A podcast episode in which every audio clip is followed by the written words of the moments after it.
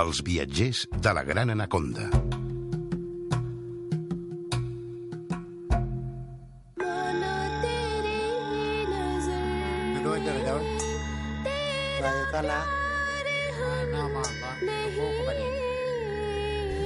Gake. Please hear my anguish words of truth. Video deh.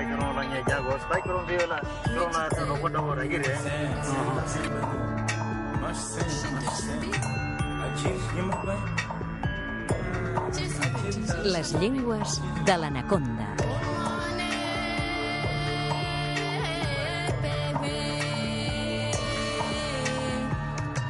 David Valls, Konnichiwa. Konnichiwa.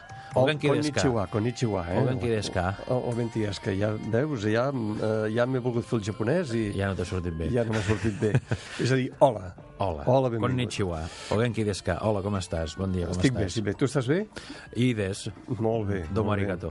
Així que avui ens vols fer anar a l'arxipèlag japonès? Avui anirem cap al Japó, cap a Hokkaido, A l'illa del nord, eh? a l'illa del nord, per parlar dels Ainu, David Valls, lingüista. concretament de la llengua Ainu que és una llengua poc coneguda, fins i tot pels mateixos japonesos, però és poc coneguda perquè l'any 2007 quedaven unes 10 persones que la parlaven i han passat uns anys. Per tant, en aquests moments no sé quanta gent queda que la No parli has de forma... contactar? No No, he pogut contactar Difícil, ningú. eh? Difícil, difícil. Eh, Hi ha gent que la parla, però gent que la parli de forma nativa, doncs clar, passats 10 anys, doncs no sé jo quanta gent deu quedar. no? Clar, quan la parla només 10 persones, una llengua, Sí. pràcticament es considera que està... Extingida, Extingida. Sí. Tècnicament es pot dir que és una llengua extingida, entre altres coses, perquè diem, la parlen 10 persones bé, la saben parlar 10 persones no. Però vés a saber si es troben. Vés a saber si es troben i vés a saber si es troben si la parlen. Clar, no? si fan I. I també falta saber... Bé, he dit que eren parlants natius, per tant, el seu nivell d'Ainu ha de ser correcte i ha de ser bo, no?, com un parlant nadiu. Però l'Ainu s'havia parlat, Sí. més enllà de Hokkaido. Sí, l'Ainu és una llengua que s'havia parlat a l'illa de Sakhalin, que en aquests moments pertany a Rússia, tot i que hi ha disputes territorials amb el Japó. També s'havia parlat a les illes Kurils, que tot és per allà a la zona, i a la península també s'havia parlat a Kamchatka, que això sí que és de... Aquella península oriental eh, Ah, russa. exactament. Sí, sí, sí, sí. I sabem, sabem quin significat tenen aquests eh, mots, aquestes paraules en Ainu, o alguns d'ells? Sí, per exemple... Bé, Hokkaido és una paraula d'origen japonès, eh? que vol dir la ruta del mar. En Ainu, Hokkaido en diuen Mosir. Però, per exemple, la capital de Hokkaido, que és Sapporo, que és una paraula d'origen Ainu, I que a lo millor ens sona. i que ens sona per la cervesa i pels Jocs Olímpics. Del 72. No és una paraula italiana, que ningú es confongui, Sapore di male, de, de mare. No, no, no, no, no, no, no, no. Eh, Sapporo, amb una P geminada, Sapporo, és una paraula d'origen Ainu que vol dir riu cobert de canyes. Riu cobert de canyes. Ah, no sí. seria pas aquell riu on es banyen aquells micos. Jo he estat amb aquests micos allà, no banyant-me, però sí mirant com es banyaven, i era Honshu. Sempre es veu aquella fotografia, aquelles Sí. imatges eh, de Sí, sí, banyant-se sí, sí, en basses sí, sí. d'aigua Sí, calenta, sí, sí, envoltats de glaç i de, Sí, sí. i de neu, Sí. temperatures molt baixes. Sí, sí, sí, sí. Doncs què més podem dir? Bé, podem dir que, per començar, referit al Japó, eh, la societat japonesa és molt monolítica, és una societat que s'ha creat i continua creant-se des de... Ells parteixen de la base que són una societat monolingüe, monocultural no? i monoètnica, Però això no és així. però això no és així. De fet, la majoria de japonesos ignoren l'existència de l'Ainu, no en tenen ni idea, perquè tampoc els han explicat a l'escola ni, ni, ni enlloc més.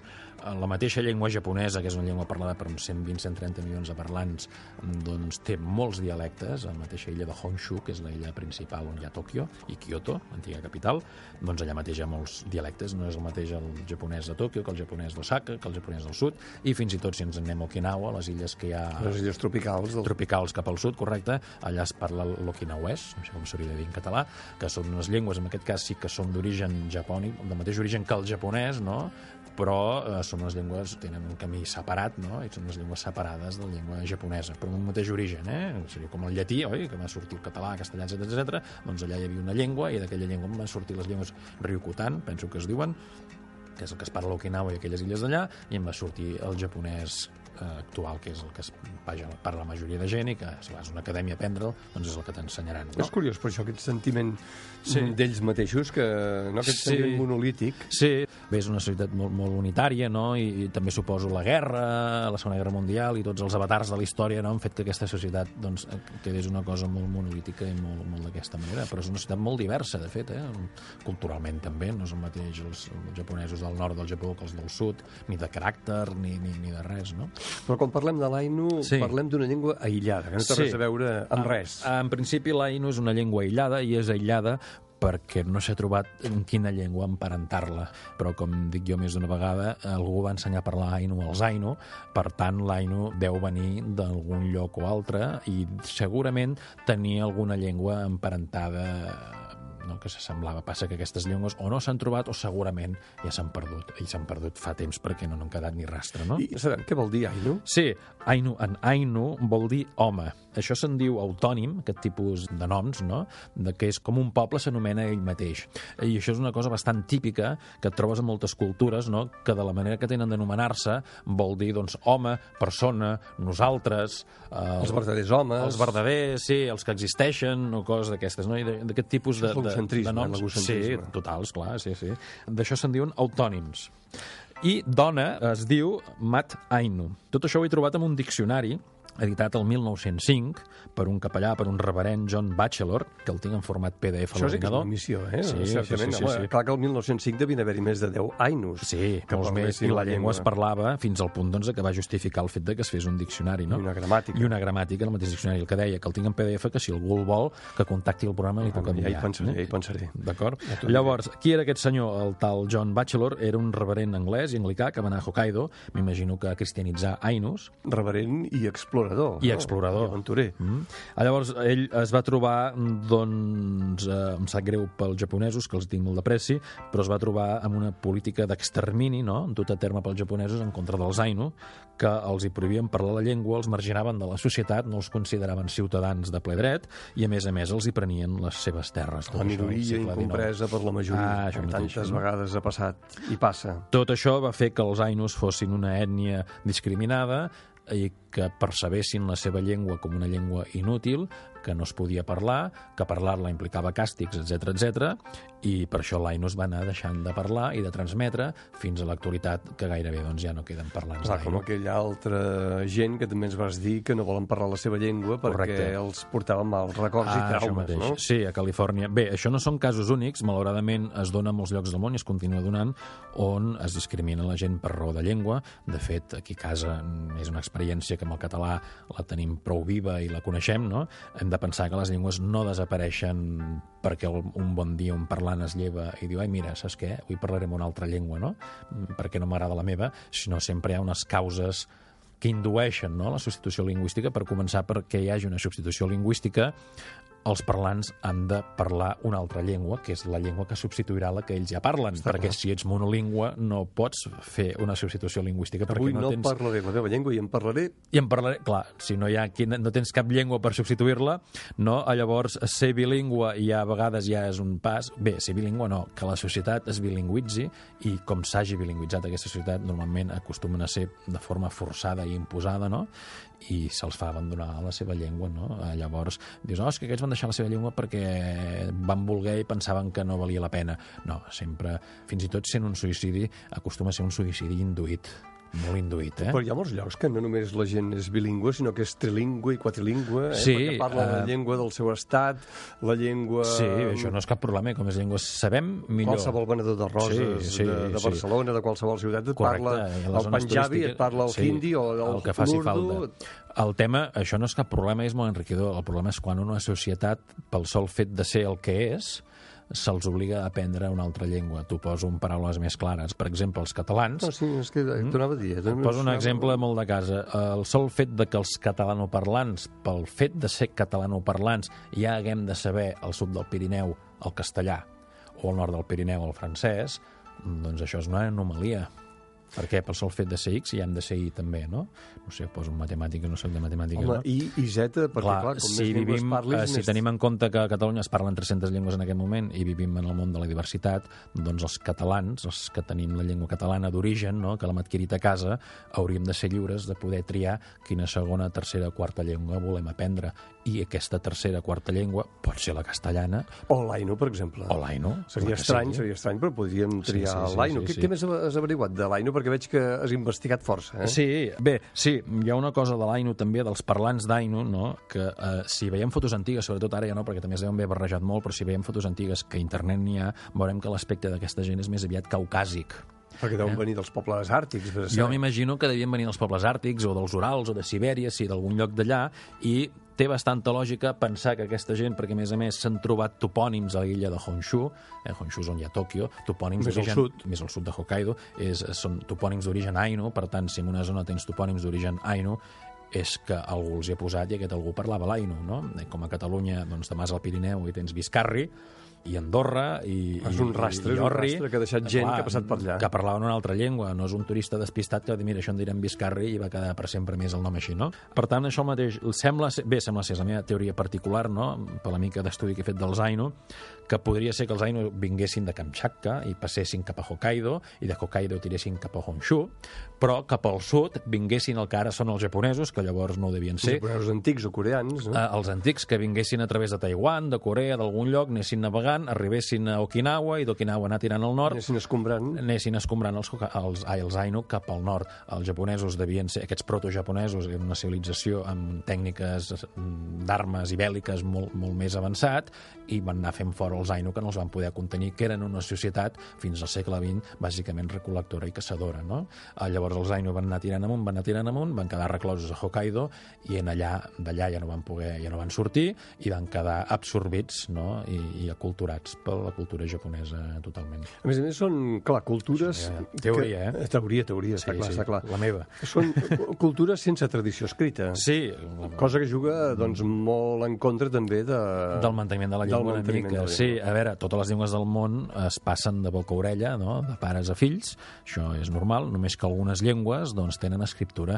De fet, les, la majoria de llengües del món no tenen escriptura, fins i tot avui en dia, no s'escriuen, eh? la majoria de llengües del món. L'escriptura és una cosa moderna dins de la humanitat i fins i tot des de que hi ha llengua es calcula que fa uns 5-6.000 anys que hi ha escriptura pel- pels textos que s'han trobat per tant, la llengua Ainu, en aquest cas, és una llengua que s'ha transmès boca a orella i el que ha quedat d'aquesta llengua són llegendes, contes, cançons que encara la gent gran saben recitar, fins i tot gent gran que ja no dominen bé la llengua, però que se'n recorden de que la seva àvia els hi cantava la cançó de Bressol, una història, i la saben recitar en Ainu, tot i que ben bé no saben què diuen, no? Això sí, l'Ainu doncs es pot escriure, ja s'ha adaptat ja amb l'alfabet llatí es pot escriure, hi ha una gramàtica feta, aquest mateix senyor John Batchelor en va fer una gramàtica, i també s'ha adaptat al katakana, que és un sil·labari en japonès, que fan per, servir per escriure el japonès, no? Bàsicament el fan servir per escriure onomatopeies, paraules estrangeres, neologismes, i en aquest cas s'ha adaptat al katakana per escriure també en Ainu. Pensem que l'Ainu té uns, un, uns sons diferents que el japonès i l'estructura sil·làbica també és diferent, per tant s'ha hagut d'adaptar una mica al katakana. I paraules molt llargues. I paraules molt llargues perquè l'Ainu és una llengua polisintètica. Què vol dir? Flexible, flexible, de plàstic. De plàstic, sí, de Porexpan. Polisintèctica què vol dir? Que és un tipus de llengua aglutinant que agafa els morfemes, agafa les paraules que tenen significat i les va ajuntant per formar paraules molt llargues. Per entendre'ns, el contrari d'una llengua polisintètica seria una llengua isolant, com és el xinès, que és una llengua que pràcticament no té morfologia o no en té gens i que té paraules molt curtes, parlen en monosíl·labs. El català seria una llengua entremig, per dir-ho així, entre isolant i polisintètica, perquè el català té flexió, té morfologia, no? Quan jo dic eh, canto, tu cantes, cantava, cantàvem, o dic petit, petitó, petitonet, tot això que posem al final de petit, que anem afegint, o en els verbs, tot això és morfologia, és flexió, no? Per exemple, el xinès això no ho té, i l'Ainu ho té, però encara molt més que el català, perquè agafen un verb i allà dins hi van posant coses, van posant coses i van fent una paraula molt llarga, que el que per nosaltres és una frase, per ells és una paraula. Per bé que hauríem de definir també què és una paraula, no? Clar. Al principi diríem que és una paraula perquè ho escrivim junt i es diu tot junt, no? no, no... Deu ser difícil llegir un diari en Ainu. Sí, tot i que n'hi ha un. S'escriu, hi ha un diari que es diu The Ainu Times, que s'edita quatre cops l'any, Amb 10 lectors. Sí, amb 10 lectors. No, més perquè hi ha molta gent que ha pres l'Ainu de gran, hi ha un interès acadèmic a la universitat, a Hokkaido, a Sapporo. M'imagino, no ho he trobat, però m'imagino que és un diari que es deu eh, editar des de la universitat. O Potser des de Londres, no? Dient The Times. Sí, no sé per què l'he imposat un nom en anglès. S'ha dit quatre cops l'any, s'ha dit en Ainu, i m'imagino que deu ser un diari que deu córrer amb entitats culturals a defensa de la llengua Ainu, que també n'hi ha, eh? la plataforma per la llengua Ainu, o bé, hi gent interessada en, en la qüestió. No, home, eh, gent interessada en revitalitzar la llengua. Sí, que, és prou n'hi ha, important, ha, esclar. n'hi ha, hi ha gent que la revitalitza i fins i tot hi ha una parella que amb el seu fill li parlen en Ainu. Mm? La qual tant, cosa és sang nova, vés a saber, Tenim no? sang nova, això mateix. Tenim un noi jove, un nen, o ja no deu ser tan nen, que parla l'Ainu. L'altra cosa és amb qui parla Ainu. Esclar, deu parlar Ainu amb els seus pares i, i Clar. amb algun entorn. Hi ha, hi ha estudiants i gent que s'ha interessat i que l'ha pres la llengua, eh? Per, busques per internet, es troba, es fan festivals... Tu i... també l'has après, la llengua? Sí, home, i tant. No? Jo ja hi somio i tot amb Ainu. Jo. No, però ens saps dir alguna paraula? Sí, home, farem una primícia a Catalunya Ràdio i per primer cop amb Ainu, per primer se cop sentirà història. Ainu a Catalunya Ràdio. Per exemple, com diuen bon dia? Com diu un bon dia? Diuen Irankarapte. No sé si es pronuncia Iran així. Karapte, eh? Ah, clar, la pronúncia aquesta sí que no la podem Clar, fer, no sé eh? on hem de posar la improvisem, tònica. Improvisem, improvisem. improvisem. Irankarapte. Gràcies. Yairai Kere. Yairai Kere. I ai, ai, queré. Mm? Per exemple, per dir adeu, Ah, ja te'n vas? És un exemple, sí, però ja ens en anem, ja ens en anem. Per dir adeu en tenen dues maneres de fer-ho, perquè és adeu pels que es queden i adeu pels que se'n van. Eh? Per exemple, com que jo me'n vaig i tu et quedes, tu a mi m'has de dir apuno o callant. A punt no que hi ha, eh? Molt bé. I jo me'n vaig i et dic apuno paellant. Què et sembla? Bueno, no, escolta, I què més, eh, què més? Diguem, abans no marxem, ja que ens hem dit no- adeu, ja que ens no hem dit adeu, ah, això mateix, ja que ens hem dit adeu, com a mínim, diguem alguna altra cosa de la llengua ainu. Per Alguna exemple, cosa més, per exemple. Va, els números, com que aquí em parla moltes vegades de números, Sí que és cert, sí, me'n recordo d'aquella gent que compten fins a 3 només. Sí, fins a 3, sí, sí, sí. Doncs, per exemple, té un sistema vigesimal, que vol dir que és un sistema base 20, que per dir 40 diuen dues vegades 20. Com els francesos, Ah, això mateix. O com els bascos. o com els bascos. Eh? El 50 dues vegades 20 i 10, 63 vegades 20, etc etc etc. I si volem eh, sentir parlar Ainu sense necessitat d'haver-nos de traslladar a Hokkaido, és possible? Sí, mira, a veure, al YouTube hi ha vídeos de festivals i cançons i coses en Ainu, però hi ha una cançó, una melodia que és preciosa, ho he de dir, eh, que és una cançó de Bressol que es titula Els 40 Bressols, eh, amb un vídeo de dibuixos animats molt maco, que es pot sentir al YouTube, si cas hi ho posareu en el podcast i el, i el web de, Jo de pensava que Catalunya ens la Ràdio. cantaries tu, Que- que ens faries que la la per acomiadar-te. Bé, tinc la lletra, tinc la lletra en Ainu, en japonès i en anglès. Ho podíem provar un altre dia. L'altre dia pensa en la guitarra, Ah, això mateix. Abans hauré d'aprendre a tocar-la, per això. Però, però sí, home, la, portar-la puc portar. però si és fàcil tocar-la. Sí, L'altra cosa és fer-ne música. Ah, això mateix. Doncs això, la podeu escoltar, no sé si per acomiadar el programa també pots posar aquesta cançó, i, És una idea, és i una veureu idea. que és una melodia molt, molt peculiar que a mi m'agrada molt. David, a punt no callant, Molt bé, això mateix. perquè jo em quedo tu d'en vas, no? Ah, això mateix. Jo que me'n vaig, què ets a dir? A puno paellant. Que difícil que és l'Ainu, eh? Sí, sí, Déu-n'hi-do, déu nhi A reveure, fins Vinga, aviat. fins una altra, gràcies.